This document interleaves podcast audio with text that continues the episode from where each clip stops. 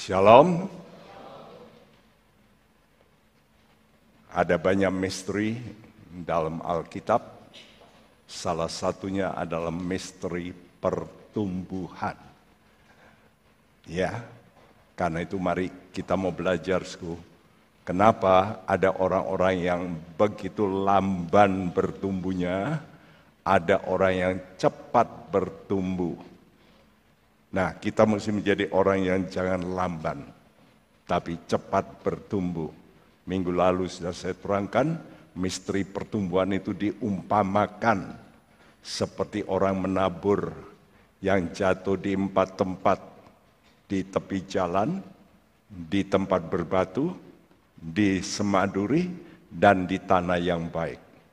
Ya, dan paling penting dari pertumbuhan ini, tidak mungkin ada pertumbuhan kalau tidak ada benih. Ini kuncinya. Jadi ini sentral. Karena itu benih, kata Tuhan, itulah firman Allah. Jadi hidupmu tidak akan bertumbuh, tidak akan berubah, tidak akan mengalami apa-apa kalau firman Tuhan ini tidak sudah pentingkan yang terutama. Banyak orang su aktif di gereja, tapi su kurang memperhatikan firman Tuhan. Jadi sekedar aktivitas. Sebab yang menumbuhkan hidupmu, karaktermu itu adalah firman Tuhan. Ya, waktu saya ke Australia pertama kali, saya indekos di rumah orang Australia, dan kalau kami ke belakang baunya apa? Susu. Kenapa, Sku? Karena tiap hari dia minum susu. Jadi, Sku, kamar mandi itu baunya susu. ya, aneh. Sku. Tapi itu fakta. Nah, dalam hidup kita, kita mesti menerima benih ilahi ini. Supaya kita, Sku, bisa menjadi orang yang bersifat ilahi pula. Hari ini kita melihat rahasia pertumbuhan, rahasia pertumbuhannya bagai bagaikan penaburan benih. Jadi benih itu ditabur lalu tumbuh. Dikatakan dalam Injil Markus orang itu menabur, pokoknya nyiram, lalu dia tidur, lalu dia bangun, tidur, bangun, tidur, bangun.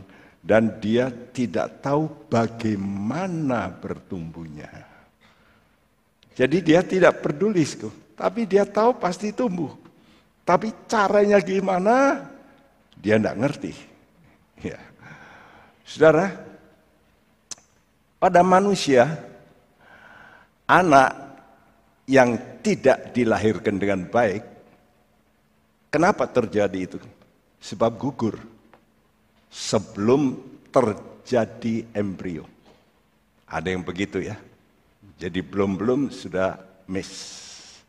Tapi ada yang berhasil setelah jadi bakal anak. Ini gambar sego. Ini empat bulan nih. Bentuknya seperti ini. Jadi kalau ini keluar, ya bentuknya seperti begini. Kepala yang gedenya seperti ini. Ini sego embrio empat bulan ini. Dan ini bisa gugur ya seperti ini. Kalau ini keluar, pasti nggak bisa hidup. Pasti. Ya. Ada yang sembilan bulan keluar. Atau belum sembilan bulan, primatur. Seperti ini gambar ini primatur. Karena dia primatur, wah kompleks. Kompleks.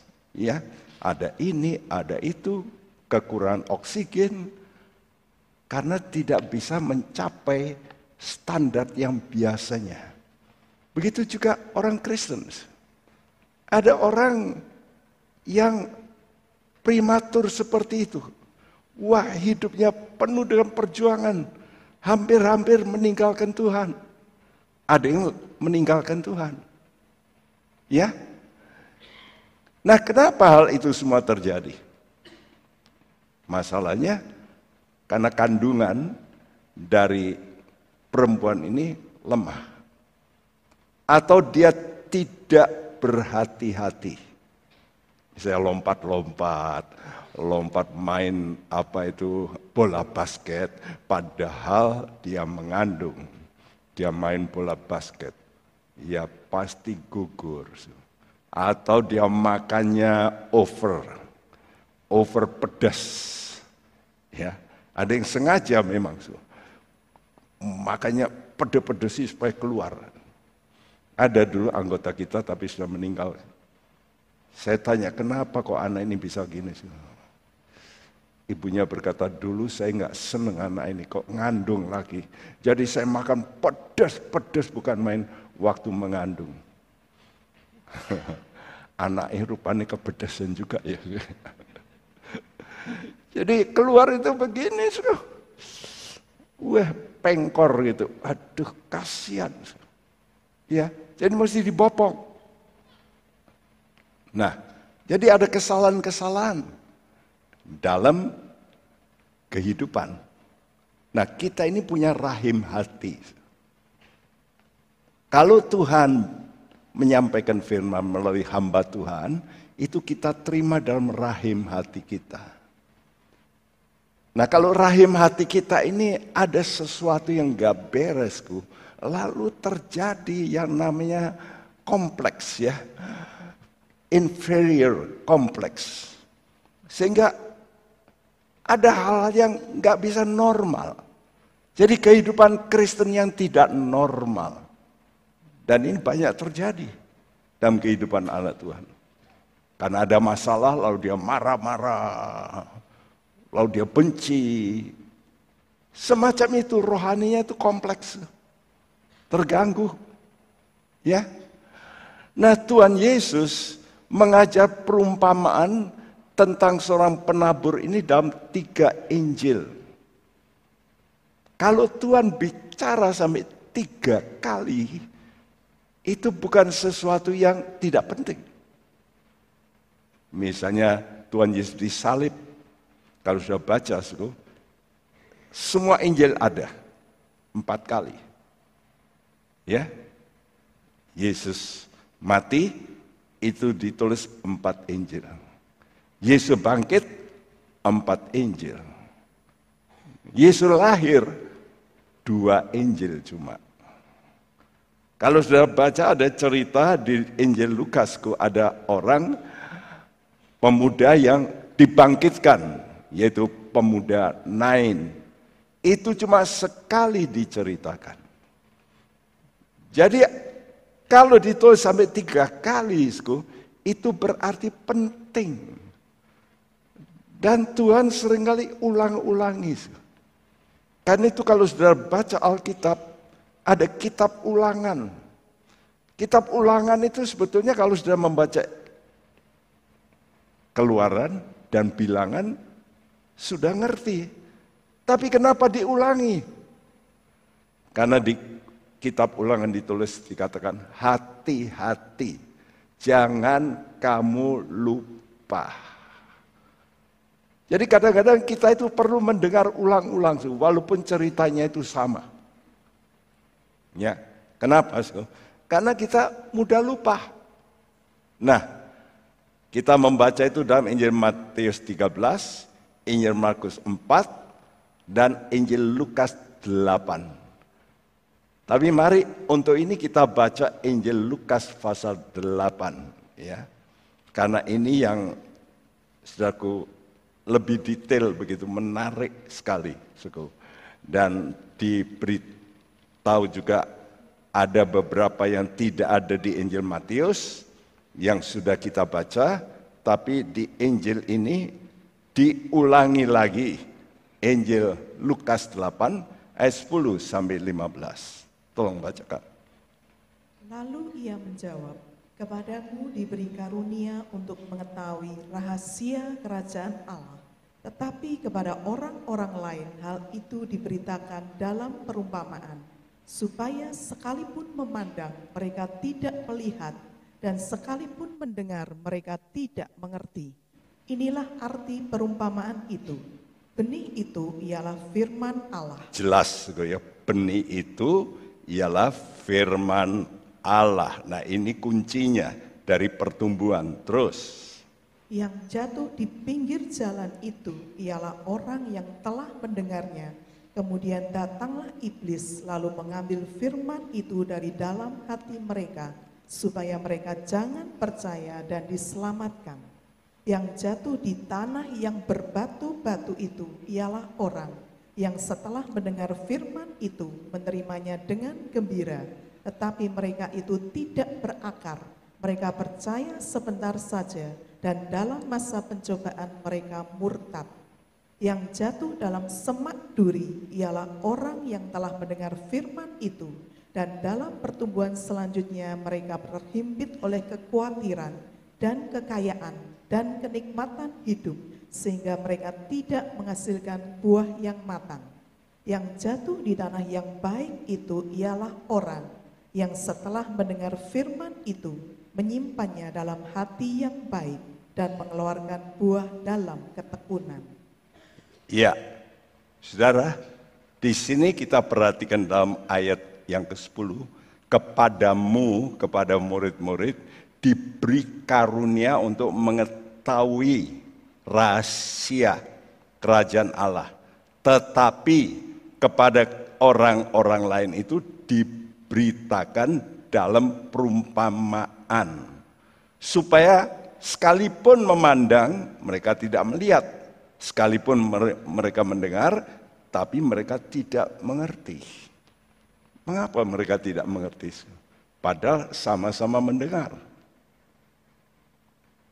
Betul enggak? Kenapa? Kalau sudah perhatikan ayat yang pertama,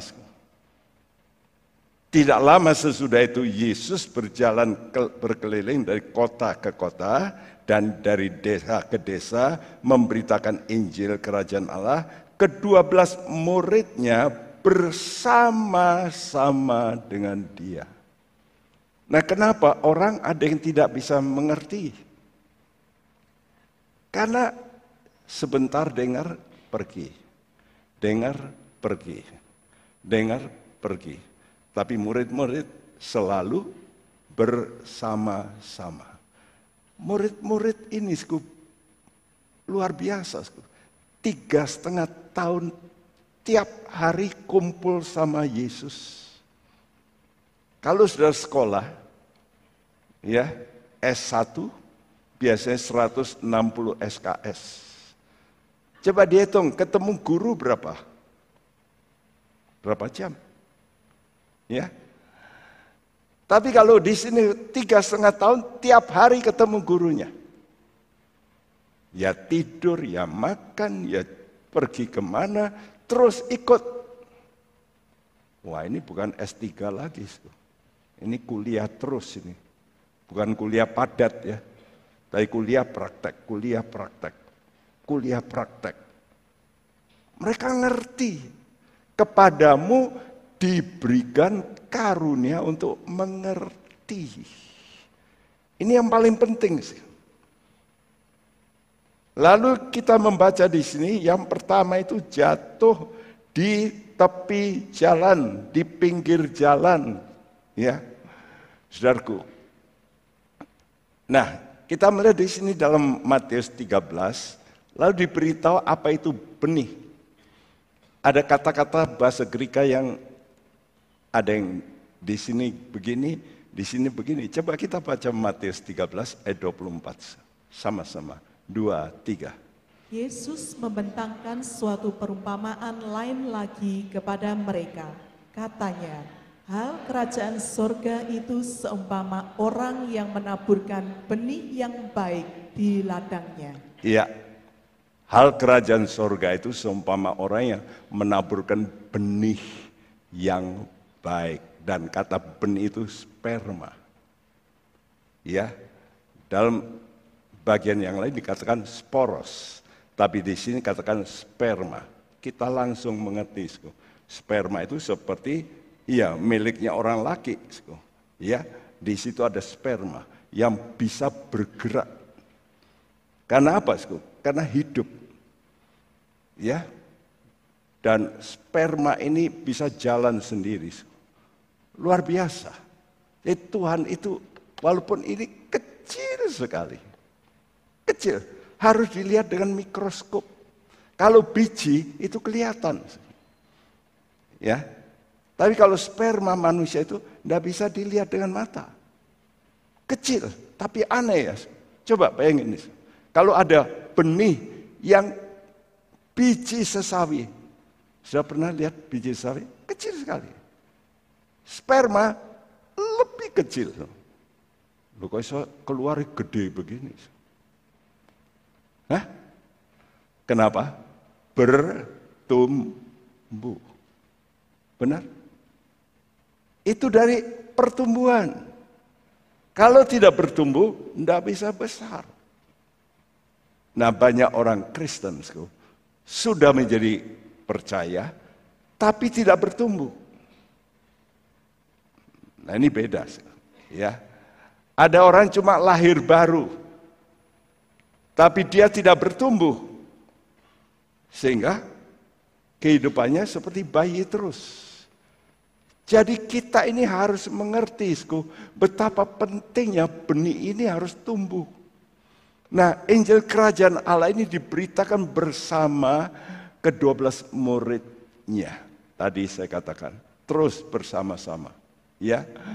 Lalu saat muridnya bertanya, apa maksud perumpamaan ini? Yesus menjawab, kepadamu diberikan karunia untuk mengetahui rahasia kerajaan Allah. Kepadamu. Jadi kepada orang yang terus mau bersama dengan Tuhan. Karena itu saudaraku, jangan menjadi orang Kristen mingguan. Kalau sudah menjadi orang Kristen mingguan, waduh, tidak mungkin bisa kenal Tuhan dengan baik. Sudah masih terus hubungan dengan Tuhan. Ya, bersekutu dengan Tuhan. Mungkin saya berkata, gimana toh saya kan kerja. Begini, saudara kerja. Saudara itu bisa dalam pekerjaanmu, spiritmu itu bisa hubungan dengan Tuhan. Saya tahu ada seorang wanita, Ruth Wesley, istri dari Samuel Wesley, seorang pendeta. Dia mempunyai anak, kalau tidak salah 19, seorang ibu. Bayangin ya, di Inggris ya, saudara yang sekarang anak dua aja pusing. Ini 19 tanpa pembantu. Tanpa pembantu loh. Kalau di luar negeri itu ya semua dikerjakan sendiri. Tapi dia selalu berkata pada anak-anaknya, nak kalau mami masak lalu pakai topi, ingat jangan diganggu. Mami sedang berdoa saat, saat goreng, saat apa itu, jangan diganggu. Mami sedang meditasi. Karena dia tidak mungkin suh berlutut, berdoa. Nggak ada waktu. Tapi waktu dia mengerjakan, dia hubungan. Karena itu kalau sudah nyetir, apalagi di Jakarta, kalau sudah nyetir satu jam, nah gunakanlah untuk ya, suku, sudah meditasi dengan Tuhan. Ya, kepada kamu diberikan mengetahui rahasia, tapi kepada orang lain tidak, supaya mereka mendengar dan mendengar, namun tidak mengerti. Nah ini yang paling penting. Tidak mengerti. Ini ini paling sangat penting. Saudara kalau menjadi orang Kristen sampai tidak mengerti apa yang dimaksudkan Tuhan, saudara sebetulnya firman Tuhan itu tidak bisa masuk betul. Karena itu saya, saya harap Saudara yang sekarang dengar tapi tidak mengerti, bawalah ini tulisannya. Nanti pulang diulangi. Itu maksud saya bikin kertas itu. Kalau tidak lebih baik saya tidak bikin itu, ngetik itu. Kenapa? Karena orang kalau khotbah sama nulis, itu waktunya mikir dulu nulis ini. Kalau khotbah cuma khotbah, kalau nulis kan ada tulisannya. Hitam di atas putih. Ya, nah itu wah membutuhkan waktu dengan baik. Jadi saya persiapan itu mulai dari kemis saya sudah siap, Jumat sepanjang hari saya sudah siap. Ya untuk satu jam saja khotbah. Ya, apalagi pakai gambar-gambar gini. Ini saya bikin semua sendiri. Karena kalau saya serahkan, rasanya kok nggak bisa serak gitu. Nggak bisa pas gitu. Ya, saudara. Jadi paling penting itu supaya sampai pada titik supaya kamu mengerti dan saya mengerti. Ya.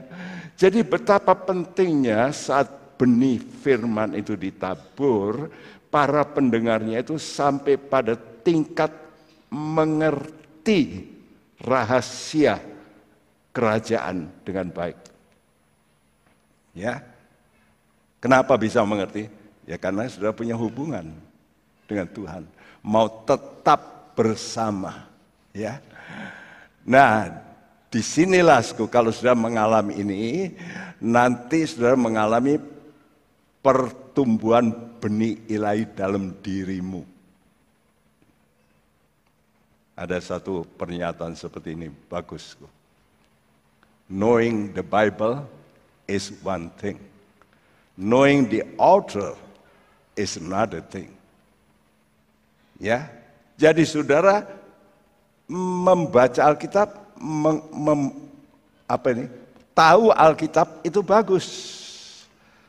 Tapi saudara tahu pengarangnya Alkitab, itu jauh lebih bagus. Jadi banyak orang belajar di sekolah Alkitab. Tapi yang dipelajari apa? Alkitab. Tapi sudah tidak kenal kepada pengarangnya. Iya tak?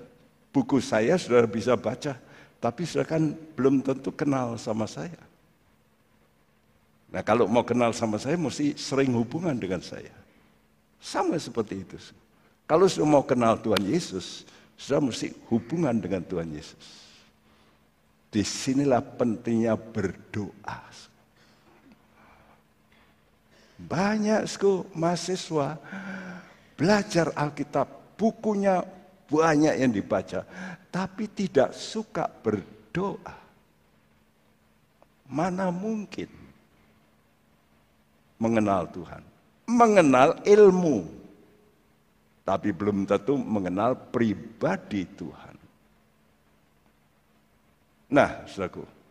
Tadi katakan yang jatuh di pinggir jalan itu mendengar. Tapi tidak mengerti. Sehingga diambil benih-benih itu oleh burung-burung. Si jahat Burung-burung ini gambarkan si jahat. Dia ambil benih itu.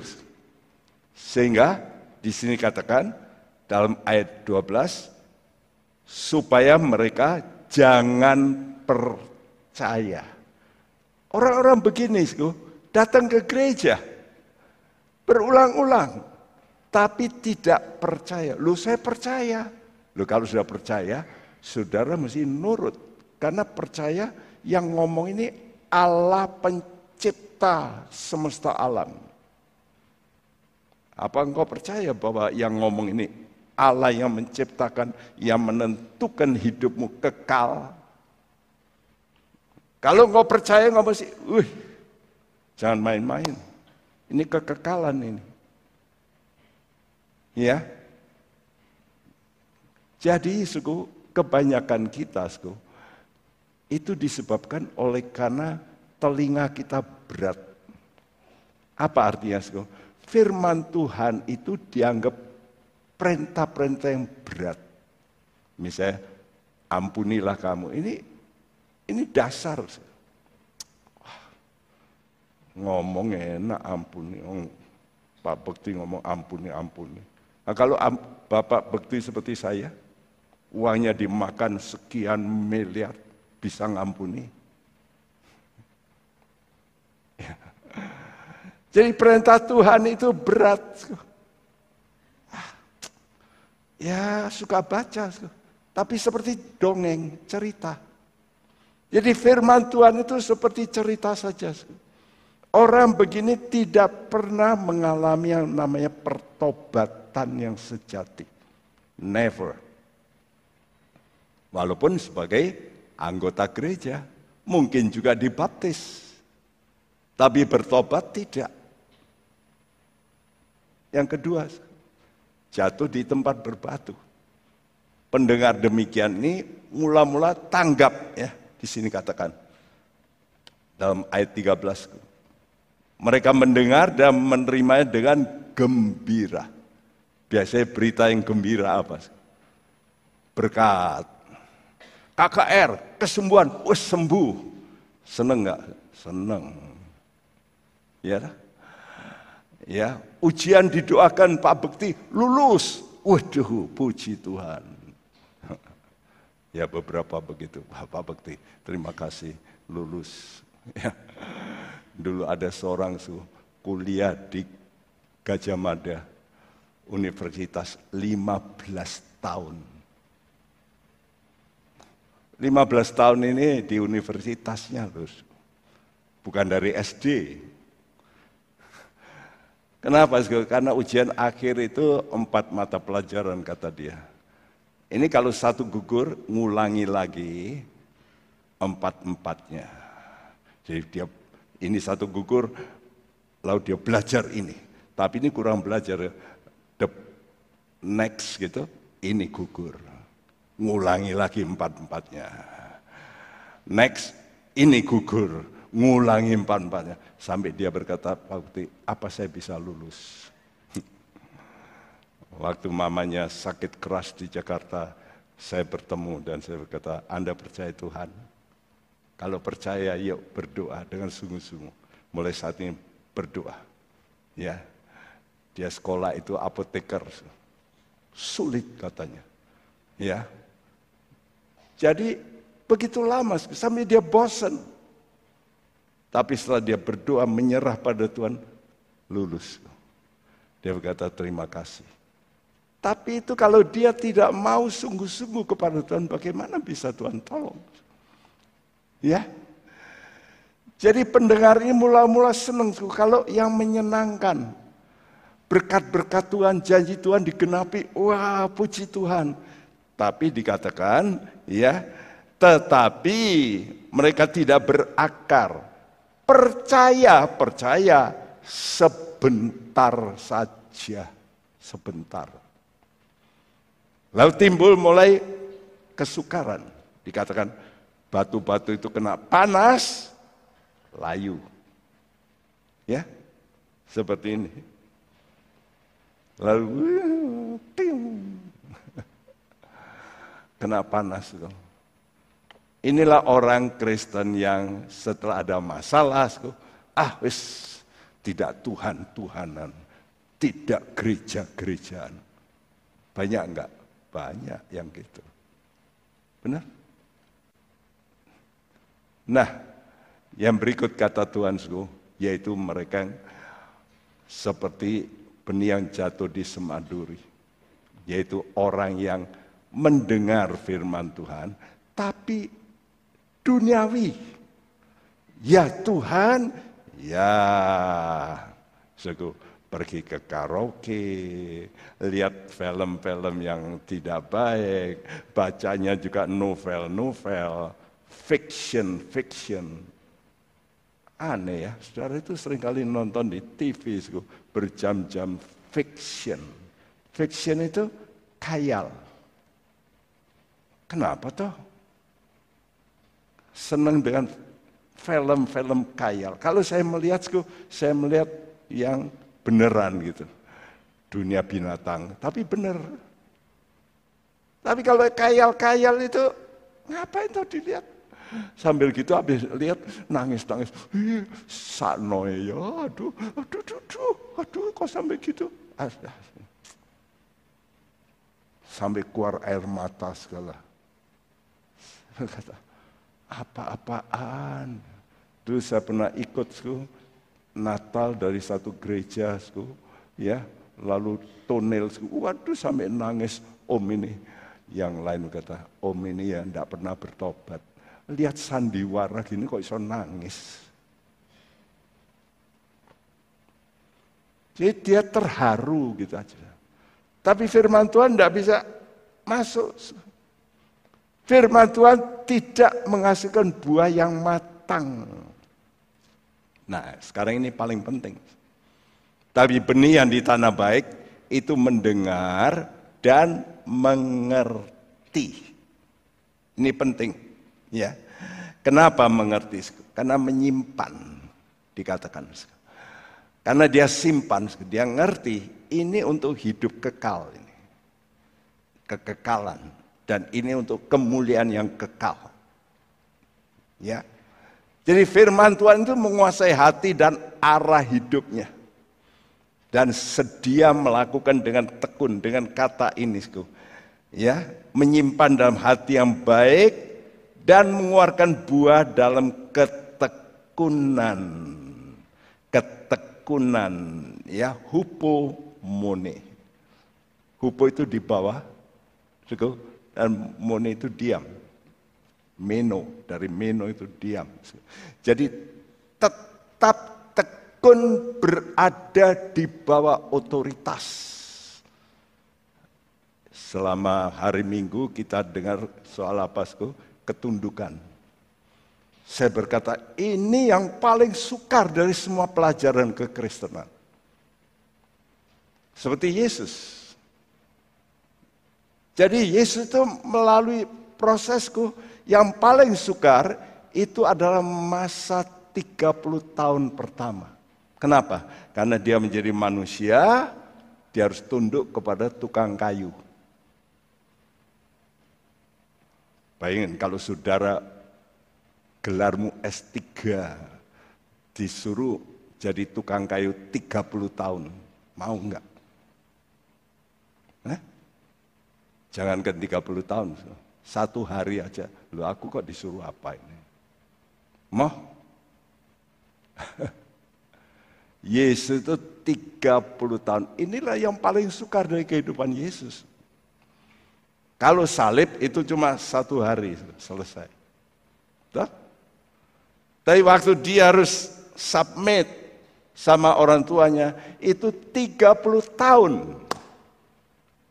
Nah, ini namanya dengan tekun. Tetap berada di bawah otoritas. Ya.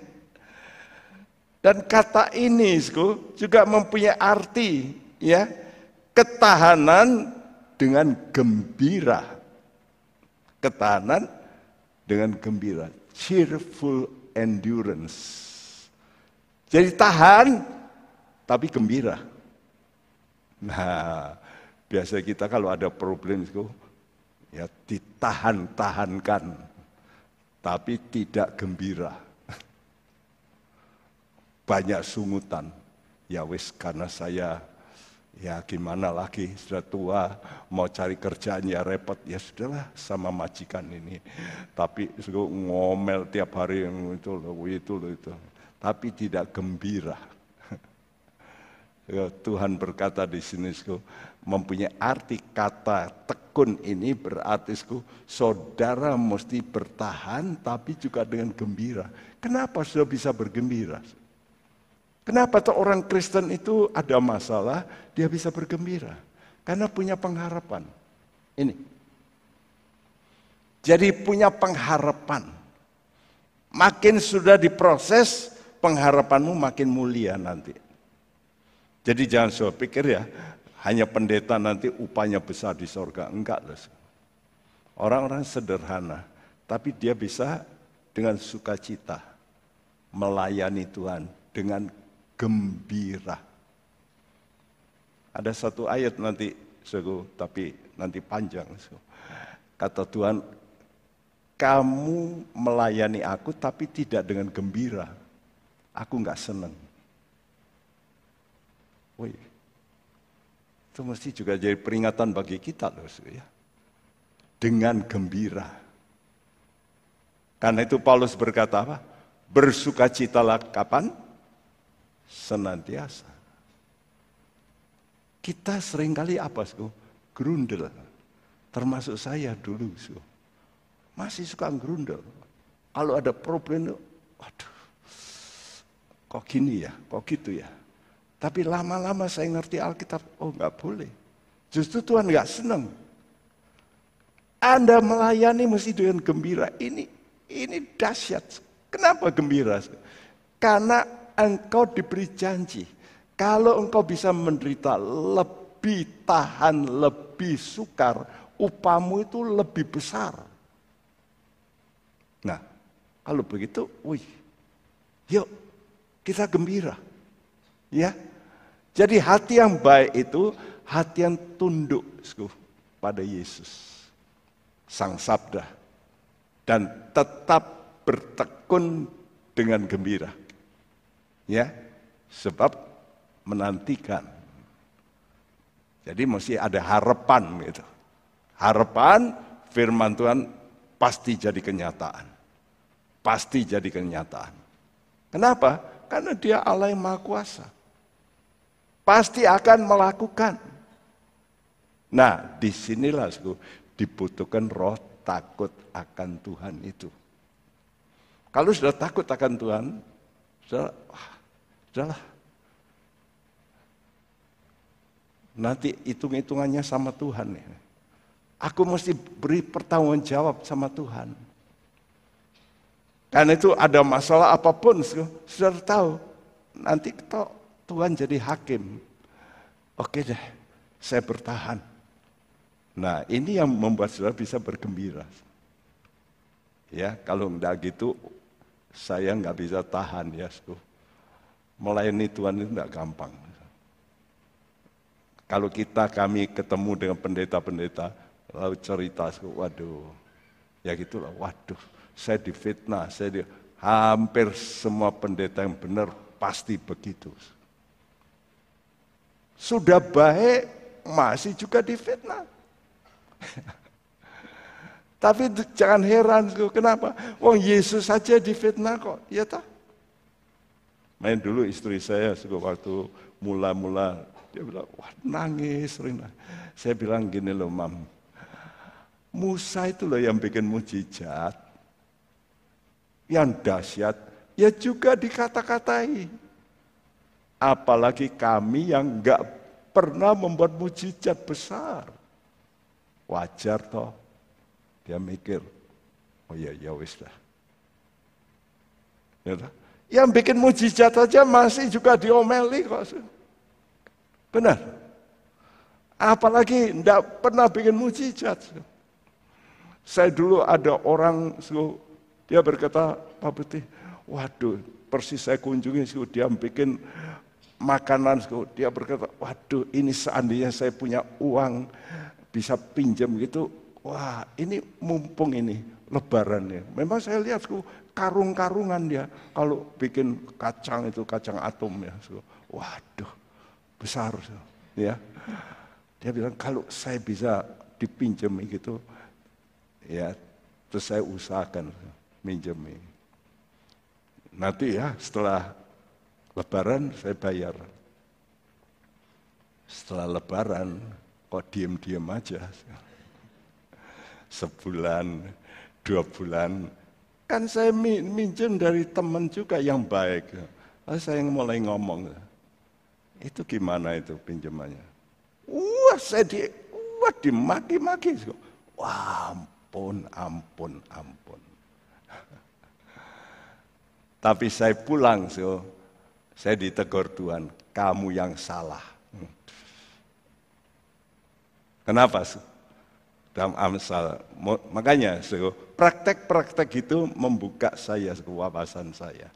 Saya baca Amsal, jangan memberi pertanggungan jawab kalau itu bukan milikmu.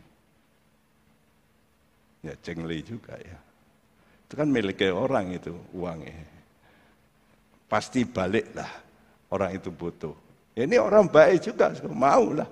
Saya ngomong itu dia mau nolongi, itu juga kenal. Ya. Tapi begitulah, kalau saya kata saya baca, ya saya salah. Kenapa? Saya ingin jadi apa? Pahlawan kesiangan. Ya, Ciami ya pendeta ini bisa minjemi saya. Ya salahmu sendiri ya Pak Pendeta. Kamu mencuri kemuliaanku, betul? Salah saya. Ditegur Tuhan malah. Sudah baik ditegur Tuhan. Kenapa? Ya karena saya salah. Baik belum tentu benar. Itu loh. Nah, karena itu saudara, kalau saudara mau betul-betul berhasil dalam Tuhan, ini harus lewatnya, ini prosesnya harus lewat kematian keinginan duniawi. Coba kita baca. 1 Korintus 15 ayat 35 sampai 37. Tolong bacakan. Tetapi mungkin ada orang yang bertanya, bagaimanakah orang mati dibangkitkan dan dengan tubuh apakah mereka akan datang kembali? Hai orang bodoh, apa yang engkau sendiri taburkan tidak akan tumbuh dan hidup kalau ia tidak mati dahulu. Dan yang engkau taburkan bukanlah tubuh tanaman yang akan tumbuh, tetapi biji yang tidak berkulit, umpamanya biji gandum atau biji lain. Iya, kalau ada orang bertanya bagaimana orang mati dibangkitkan, dengan tubuh macam apa datangnya nanti? Jawabannya, hai orang bodoh. Dibodoh-bodohin. Kamu lihat aja itu biji itu loh. Artinya, lihat toh hal-hal jasmani itu biasanya sejajar dengan hal rohani. Jadi kalau biji ini ditaburkan, setelah ditabur hilang, dissolve, ya hilang, sudah garuk-garuk lagi, nggak ada bijinya, betul? Berubah sekarang. Jadi mati, biji itu mati. Ya. Jadi kesejajaran jasmani, penaburan benih, dan firman itu sejajar. Apa yang kau taburkan sendiri itu tidak akan tumbuh dan hidup kalau ia tidak mati dulu. Jadi mesti mengalami yang naik biji itu mati dulu. Ya. Nah, itu seperti yang diajarkan oleh Tuhan Yesus. Ya. Bahwa kita itu harus mati supaya nanti mendapat hidup yang kekal. Kenapa? Nanti kalau kita mati, apanya yang hilang? Tubuh kita ini. Ngerti? Tubuh kita ini ini cangkang. Jadi tubuhmu ini rumah, hanya rumah, cangkang. Orangmu di mana? Di dalam Nah, semasa kamu hidup, ini loh, training orangmu di dalam ini. Ini kesempatan. Kamu orangmu di dalam ini bisa jadi baik tidak. Nanti kalau cangkang ini lepas, nah ini sudah bagus. Tiap kita nanti lepas cangkangnya, tubuhmu akan copot. Waktu itulah engkau mati, nanti engkau lihat sendiri ya. Loh, loh, tubuhmu engkau tinggal. Itu pengalaman orang mati selalu begitu. Nanti saudara kalau mati melihat sendiri tubuhmu. Loh kok orang-orang kumpul nangisi aku? Aku pergi nih. Loh kok di situ kumpul nangis? Padahal dia masih hidup. Roh dan jiwanya. Tubuh ini cuma rumah yang mesti ditinggal. Ya, karena itu seperti apa? Ini seperti kulit saja. Karena itu kalau ditabur, itu mesti seperti biji yang tidak berkulit. Nah, mari kita baca Yohanes 12 ayat 24, 25, 23. Aku berkata kepadamu, sesungguhnya jikalau biji gandum tidak jatuh ke dalam tanah dan mati, ia tetap satu biji saja tetapi jika ia mati, ia akan menghasilkan banyak buah. Barang siapa mencintai nyawanya, ia akan kehilangan nyawanya. Tetapi barang siapa tidak mencintai nyawanya di dunia ini, ia akan memeliharanya untuk hidup yang kekal. Jadi mengikut Tuhan sudah diminta untuk tidak mencintai nyawamu. Wih, gak boleh cinta nyawa kita nanti ya saya terangkan. Saya dulu tidak mengerti juga ini ya, tapi setelah saya baca dengan baik, Nanti kita lihat. Sku. Jadi yang telah menerima firman Tuhan, firman Tuhan itu firman hidup. Sku.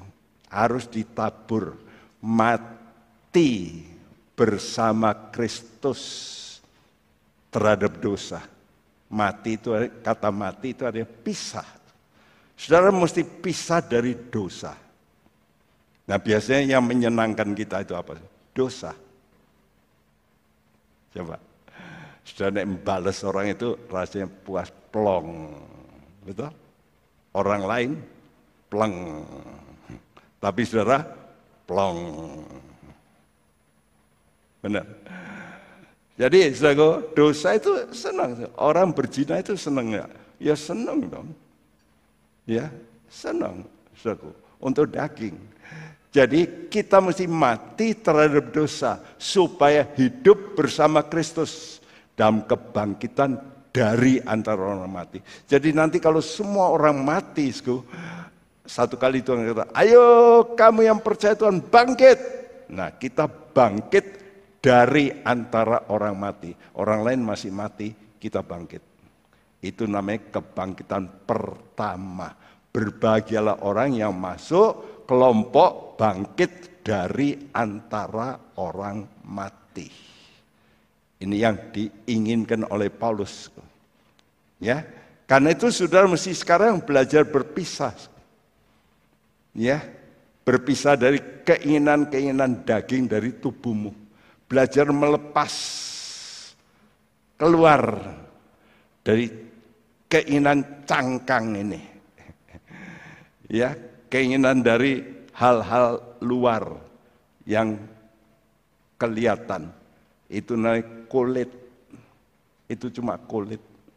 Tapi orang sekarang dandani kulit lebih daripada dandani hati. Karena itu kota Semarang sekarang dengan lihat itu.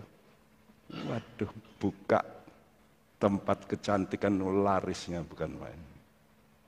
Tapi itu semua kulit. Bukan berarti, oh perempuan tidak perlu maca. Boleh.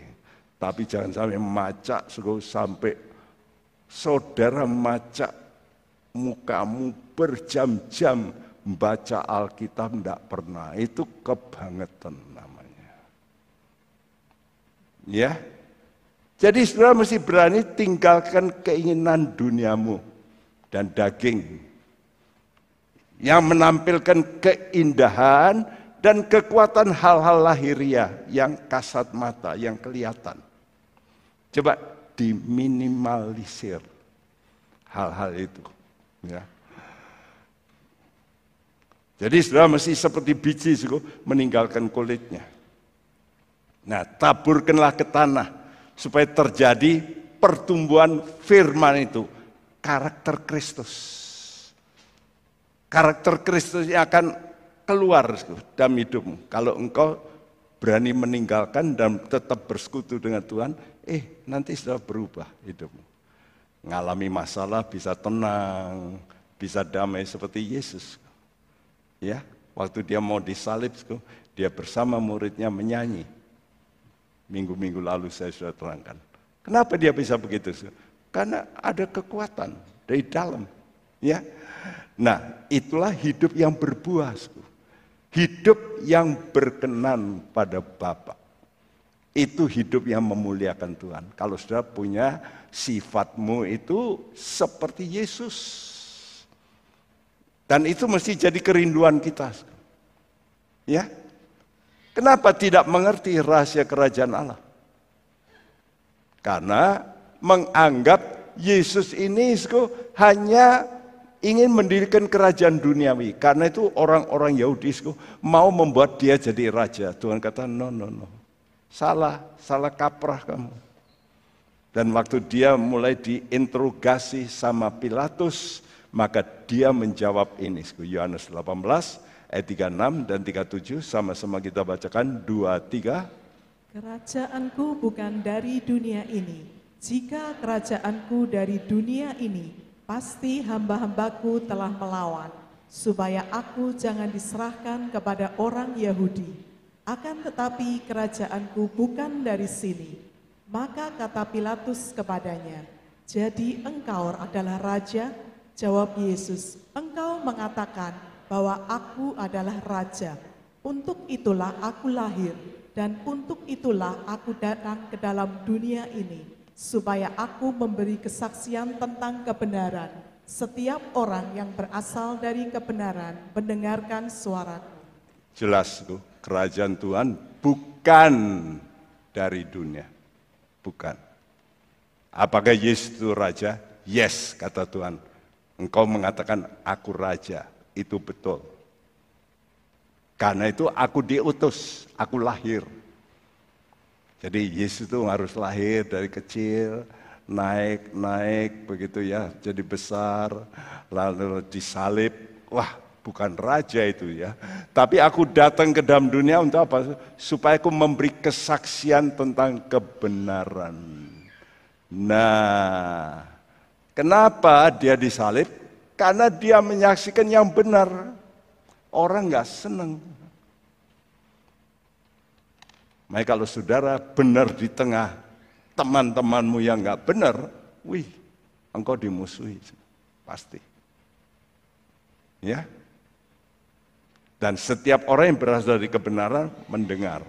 Karena itu betapa penting kita itu belajar mendengar. Jadi pengikut Yesus itu tidak fokus pada hal-hal duniawi ya. Karena itu saya minta saudara menjadi orang Kristen yang tidak duniawi. Ini sangat penting. Saya ini akan mengganggu rohanimu. Ya. Nah, tugas Yesus menyaksikan kebenaran. Kebenaran apa? Bahwa kerajaannya itu bersifat sorgawi. Apa artinya sorgawi? Kalau kata sorga itu artinya tinggi, di atas. Eh, kerajaanku itu kerajaan yang punya derajat yang tinggi. Kerajaanku ada kerajaan yang mulia. Nah untuk ini saudara diminta untuk tidak mencintai nyawamu. Dan di sini dipakai kata suke ini. Ya, artinya nafas. Nafas dari jiwa manusiawinya. Orang yang punya jiwa manusiawinya, kata Tuhan, itu sama saja dengan hewan. Wih, kasar ya kata Tuhan. Tapi Tuhan ngomong begitu. Kalau kamu menjadi orang yang tidak sorgawi, jiwamu itu seperti binatang, kata Tuhan. Wih. Kebanyakan orang kan dia mati habis perkara, betul nggak? Orang dunia kan begitu. Ya, dia pikir mati seperti binatang-binatang mati habis perkara. Ya kebanyakan orang sampai lupa sampai ditangisi, waduh dibikin apa upacara penguburan. Padahal binatang itu mati ya selesai. Ya. Kata Tuhan kalau kita tidak berpengertian rohani, kita serupa dengan binatang. Itu kata-kata Tuhan. Jadi kita mesti berorientasi kepada yang sorgawi, bukan yang lahiriah. Kita punya nafas yang berbeda. Nah di sini juga nafas, tapi dipakai kata pneuma. Nafas dari jiwa yang kekal, jiwa yang telah ditebus, telah disucikan. Waktu saya merenungkan nafas, nafas ini penting untuk bicara. Ya, karena itu sudah dikasih nafas untuk ngomong. Dan ngomonganmu ini powerful. Hidupmu itu tergantung omonganmu. Karena itu kalau omonganmu salah, hidupmu akan salah. Kita masih hati-hati dengan omongan kita. Ya, jadi maksud kedatangan Yesus ke dalam dunia ini sebetulnya untuk merekrut orang-orang yang punya cita-cita kerajaan sorgawi. Karena itu gereja kita saya tuliskan visinya kerajaan sorga. Visinya kerajaan Tuhan Yesus. Ya, karena itu pengikutnya mesti dua ini. Mempunyai dua kriteria yang penting yaitu percaya. Percaya bahwa Yesus itu Raja yang ditentukan mengepalai semua ciptaan. Ini kata surat Efesus. Allah itu sudah menetapkan sebelum dunia dijadikan, Yesus itu ditetapkan jadi kepala semua. Semua. Nah ini kita mesti mengerti. Orang senang tidak senang, perkataan Tuhan pasti terjadi. Orang berontak apa pun pasti terjadi. Yesus pasti jadi raja semua makhluk, bukan hanya manusia, tapi semua malaikat, semua tunduk kepada Yesus. Karena itu sudah mesti menghormati Yesus. Ya. Dan untuk ini supaya percayamu itu bisa mencapai sasaran, kamu tidak boleh mencintai dunia serta segala keinginannya. Kenapa? Karena dunia ini sebentar akan berlalu. Jadi saudara ini sepertinya training.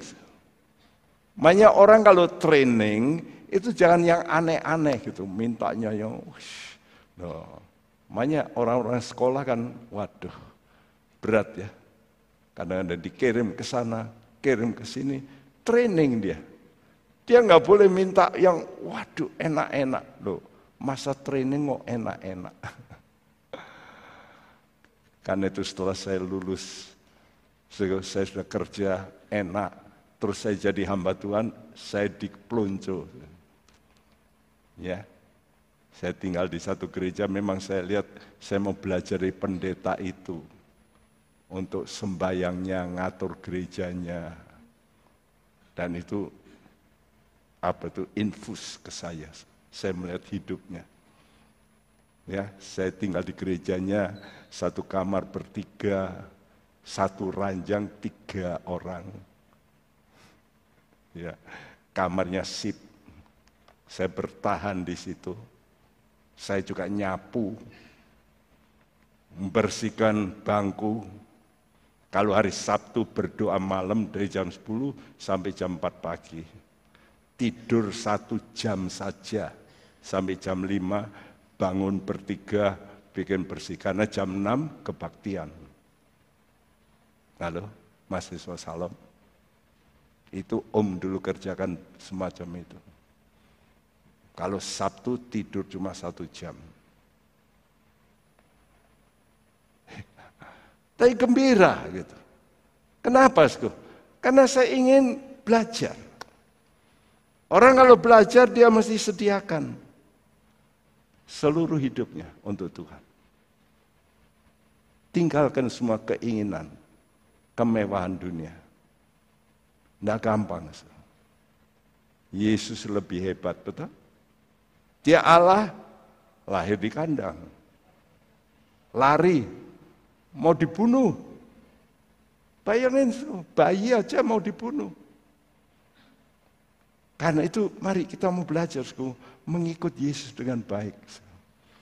Karena itu jangan sampai kita mencintai dunia. Siapa mencintai dunia kata Tuhan, kasih Bapak tidak ada di dalam orang itu. Ya ini pilihan. Setelah engkau menjadi anak Tuhan, engkau bisa mencintai dunia tetap atau tidak. Kalau engkau mencintai dunia itu seperti orang tinggal di semak duri, benih itu jatuh semak duri. Dia tidak berbuah matang tidak mungkin berbuah matang. Karena terdesak oleh problem, ya kekhawatiran. Nanti sudah baca itu. Yang jatuh di semadur itu kenikmatan kekayaan, tapi khawatir. Itu aneh ya. Pada satu sisi memang nikmat, pada sisi lain khawatir. Makin banyak duit, makin khawatir. Aneh ya. Orang yang tidak punya duit, ya wis lah. Nasib. Orang yang punya duit, makin khawatir. Tapi itu fakta, Tuhan kalau ngomong tepat. Karena itu yang dikatakan oleh Salomo begini, Tuhan Jangan membuat aku terlalu kaya. Supaya aku nanti jangan sampai berkata, siapa Tuhan? Tapi Tuhan jangan membuat aku terlalu miskin. Nanti aku minta-minta, mempermalukan namamu. Jadi sebetulnya kalau cukup, puaslah. Amin. Asal ada apa? Makan, minum, pakaian. Selesai. Bisa bergembira sekarang yang punya rumah dan ada makan, minum, pakaian. Puji Tuhan.